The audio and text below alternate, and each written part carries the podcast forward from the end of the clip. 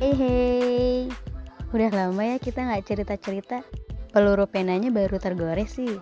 Dan emosi katanya baru terluap. Oh iya, ada yang baru loh di podcast Emosi Kata. Kalau ada episode baru yang namanya Kasih Kisah. Ada apa aja sih di episode Kasih Kisah? Nah, di episode ini akan ada cerita per season yang bakal seru banget pokoknya.